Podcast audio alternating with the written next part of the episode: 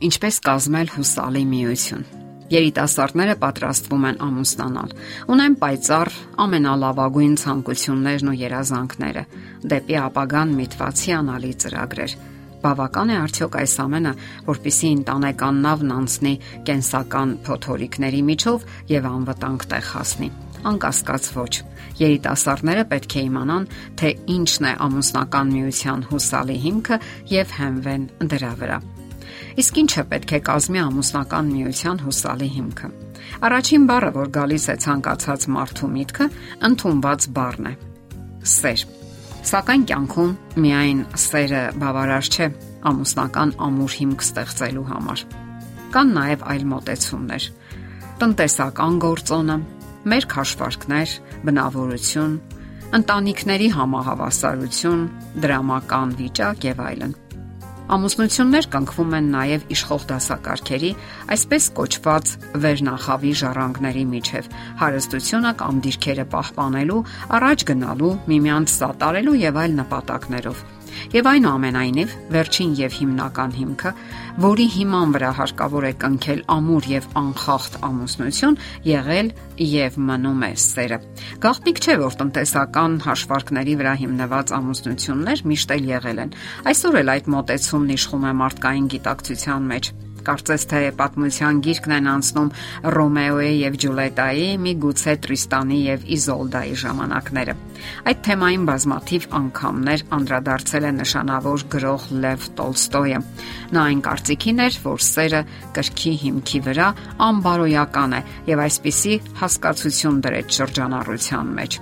Սերը համապարփակ համատեղելիությունն է, համակարծիքությունը եւ միմյանց նվիրվածությունը։ Սակայն հարցն այն է, որ Տոլստոյի մոտ իշխում էր այն կարծիքը, որ կինը պետք է միանշանակ ենթարկվի ամուսնուն, ձուլվի նրան։ Եվ այսօր մեր հասարակության մեջ իշխում է այն տեսակետը, որ ամուսնության մեջ սիրո համար պատասխանատու է միայն կինը։ Սակայն ակնհայտ է, որ ժամանակները փոխվել են այսօր այլ իրականության մեջ են կապրում, թեթևանում է կնոջ կենցաղը, փոքրանում է կախվածության մակարդակը եւ կինն ավելի մեծ ազատություն ունի։ Նա աստիճանաբար ի վիճակի է դառնում տնորինելու իր կյանքը եւ այն, ինչ նախկինում անվանում էին ձուլվել ամուսնուն, այսօր դա այնքան էլ այդպես չէ։ Պարզ է,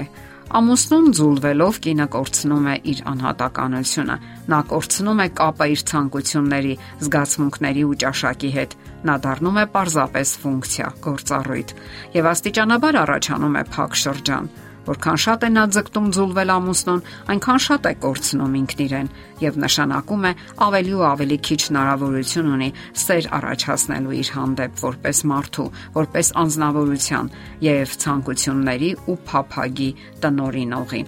Ահա թե ինչու ժամանակակից ամուսնությունը պետք է լինի երկու անհատականության միմյանց հանդեպ սիրո վրա հիմնված միություն։ Նրանք պետք է ունենան հնարավորություն հիանալու միմյանցով որպես անհատականություն, հասկանալու դիմացինի եզակի աշխարհը, առարկայական ու հուզական աշխարհը, աշխատանքային գործունեությունն ու առաջընթացը, երեխաների ծնունդն ու դասյարակությունը։ Եվ այդ ամենի արդյունքում նրանք ունենում են փորձառություններ, որոնք եւ անհատական են եւ միաժամանակ համատեղ։ Վերջին հաշվով այդ ամենը հենց սեր է կոչվում։ Որն է գլխավորը ամուսնության մեջ։ Զուգընկերները պետք է պահպանեն իրենց անհատականությունը, ինչպես ասացինք, եւ պատրաստ լինեն համագործակցելու։ Տրամաբանված համագործակցություն նշանակում է զարգացնել հարաբերությունները եւ համաձայնության միջոցով եւ թիմային աշխատանքի եւ նույնիսկ տարաձայնությունների միջոցով։ Իսկ դրա համար անհրաժեշտ է պահպանել որոշ կանոններ։ Այսպես, եթե ցանկանում եք, որ հարաբերությունները զարգանան ներդաշնակու համաչափ, ապա ձեր միջև տարածությունը պետք է լինի շատ դինամիկ, շարժուն, Այսինքն, դուք երբեմն մերձ եք միմյանց, երբեմն հեռանում եք, առանց վնասելու հարաբերությունների մակարդակն ու խորությունը։ Զույգը պետք է գործի որպես հրաշալի, բարդ եւ այսպես կոչված լավ յուղված մեխանիզմ։ Դուք ամուսիններ եք, միաժամանակ ընկերներ, համագործակիցներ ու սիրահարներ, նաև աշխատակիցներ, որ համատեղ ինչ որ գործ են կատարում։ Այդ բարդ, սակայն հիասքանչ մեխանիզմը երբեմն կարող է ճռնչալ տհաճ նյարդային ձայներ հանել։ Երբեմն ինչ որ սարքեր կարող են շարքից դուրս գալ, երբեմն կոտրվել, սակայն հուսահատվելու եւ հիասթափվելու կարիք չկա։ Ինչպես ցանկացած սարք եւ մեխանիզմ, մարդկային այդ սարքը նույնպես վերանայումների եւ ստուգումների կարիք ունի։ Այն ժամանակ առ ժամանակ հարկավոր է վերանորոգել, յուղել, որոշ մասեր թարմացնել կամ փոխել։ Ամուսնական միությունը մարդկային անհատականություններից, բարդ կենսաբանությունից եւ ավելի բարդ հոգեֆիզիոլոգիական առանձնահատկություններից կազմված մեխանիզմ է։ Իսկ աղմուկն ու ճռնչոցը մեզ հիշեցնում են գոյություն ունեցող անսարքությունների մասին։